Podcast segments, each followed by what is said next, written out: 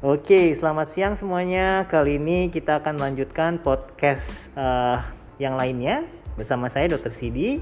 Nah, kali ini kita akan membahas mengenai CABG atau bypass ya.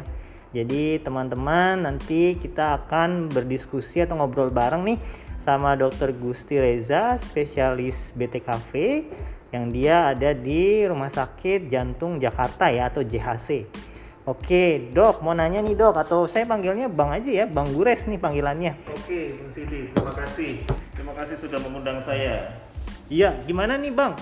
Jadi eh, apa sih sebenarnya indikasi dari operasi bypass tuh? Ya, jadi eh, operasi bypass ya, mungkin eh, rekan-rekan eh, sekalian mungkin sering mendengar gitu ya, sudah ada ada pasien yang dilakukan operasi bypass jantung gitu atau uh, eh, CABG gitu ya. Jadi memang uh, yang namanya operasi bypass ini bagian dari uh, penata laksanaan atau uh, pengobatan penyakit jantung, terutama jantung koroner. Jadi untuk uh, penyakit jantung koroner ini kita tahu ya ada tiga pengobatan ya.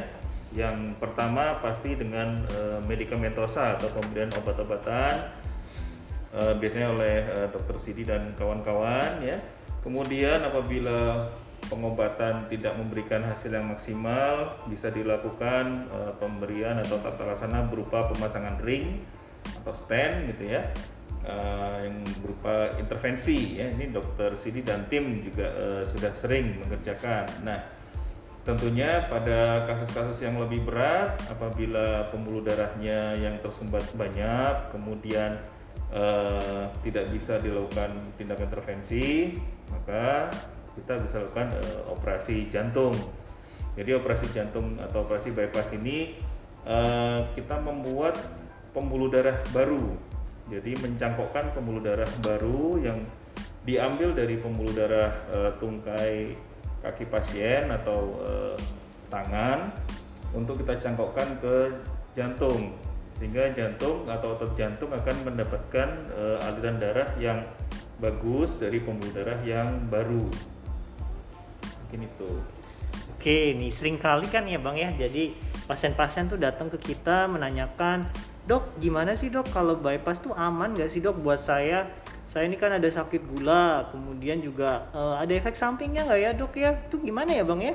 Ya jadi uh, untuk operasi sendiri uh, semakin uh, ke sini semakin canggih teknologinya tentunya. Jadi termasuk dalam uh, menangani faktor resiko dan komplikasi.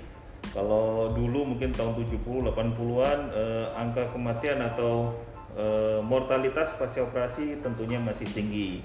Saat ini dengan teknologi yang kita miliki bisa dibilang angka kematiannya mungkin kurang dari eh, 5%.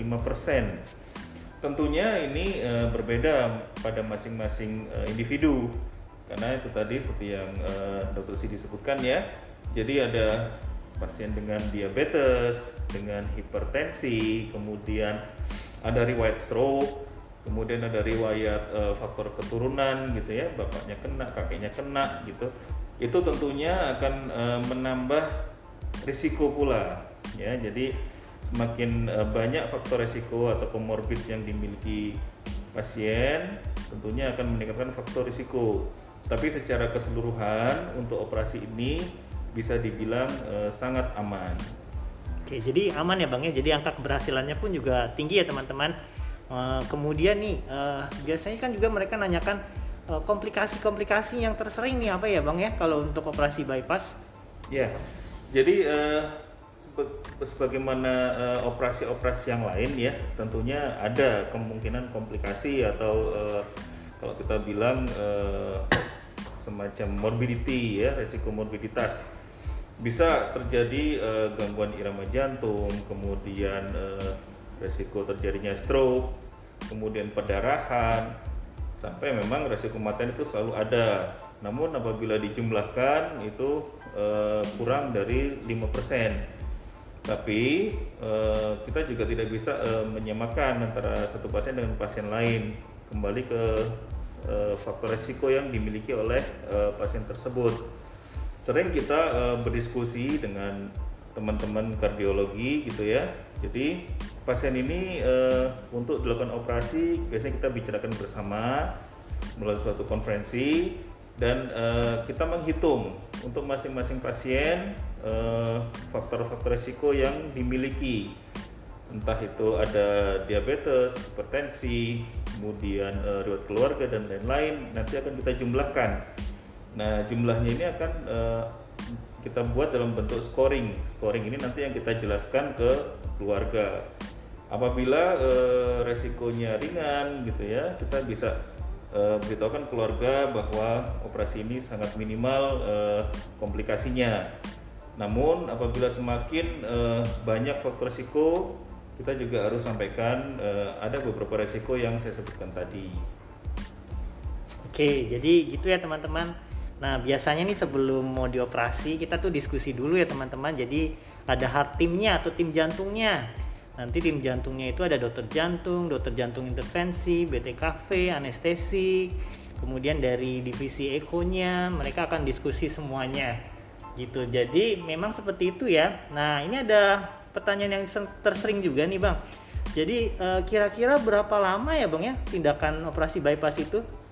Ya, uh, untuk operasi bypass sendiri rata-rata uh, waktunya 4 sampai 5 jam ya. Yang pertama pasti kita lakukan pembiusan dulu. Kemudian setelah dibius kita memasang uh, infus dan lain-lain ya. Setelah itu selesai pasien dalam keadaan bius total baru kita lakukan uh, tindakan. Yang pertama kita lakukan adalah uh, mengambil pembuluh darah yang ada di kaki. Kemudian setelah itu kita uh, buka dada untuk kita lakukan uh, pencangkuan.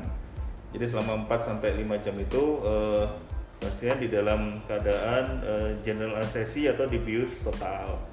Setelah operasi baru kita transfer ke ICU. Rata-rata menghabiskan waktu 4 sampai 5 jam. Namun bisa bervariasi tergantung jenis prosedur apa yang dikerjakan dan uh, ada kesulitan apa di dalam meja operasi.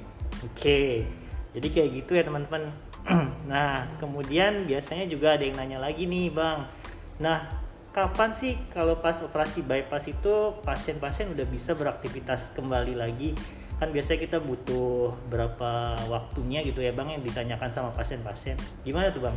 Ya, jadi uh, setelah dilakukan operasi, pasien kita akan uh, rawat di ICU kurang lebih uh, 1 sampai 3 hari di ICU untuk kita evaluasi fungsi jantungnya, gangguan irama jantung, perdarahan, uh, tensi dan lain-lain. Setelah betul-betul stabil, uh, komunikasi baik, baru kita transfer ke ruang intermediate. Di intermediate itu biasanya uh, menghabiskan waktu 1 sampai 2 hari setelah di ruang intermediate bagus, baru kita kembalikan ke ruang rawat selama 1 sampai 3 hari. Jadi rata-rata setelah e, dioperasi pasien membutuhkan waktu 5 sampai 7 hari untuk bisa e, pulang. Jadi e, termasuk cepat. Jadi 5 dalam 5 sampai 7 hari setelah operasi pasien bisa pulang. Namun e, setelah di rumah kita akan anjurkan untuk Eh, menjaga aktivitasnya terlebih dahulu, kontrol rutin ke dokter jantung, dan mengikuti rehabilitasi medik yang sudah disarankan oleh rumah sakit. Ya, jadi kayak gitu ya teman-teman. Memang biasanya kalau setelah operasi itu kan biasa kita masih tetap ada tim ya bang ya. Jadi masih harus kontrol ke dokter bedah toraknya, kemudian harus kontrol ke dokter jantung, menjalani rehab Nah, nanti rehabnya itu uh, kita bisa melatih tuh pasien-pasiennya supaya bisa beraktivitas kembali.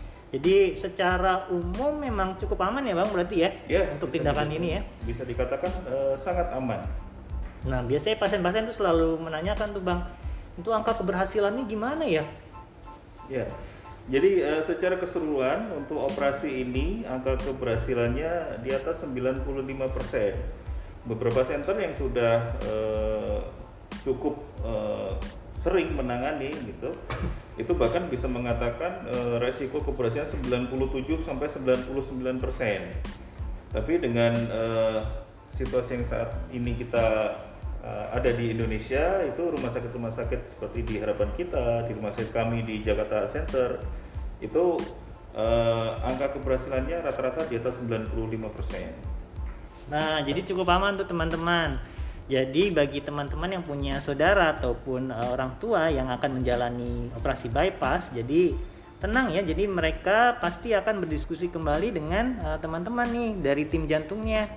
Nah, untuk kali ini kita cukupi dulu ya. Nanti kalau misalkan ada yang mau berdiskusi kembali bisa menghubungi dokter Gusti Reza ya. Dia adalah konsultan bedah torak yang dewasa. Dia berpraktek di JHC atau Jakarta Heart Center. Oke, terima kasih ya, Bang. Terima kasih Bang Sidi. Yuk.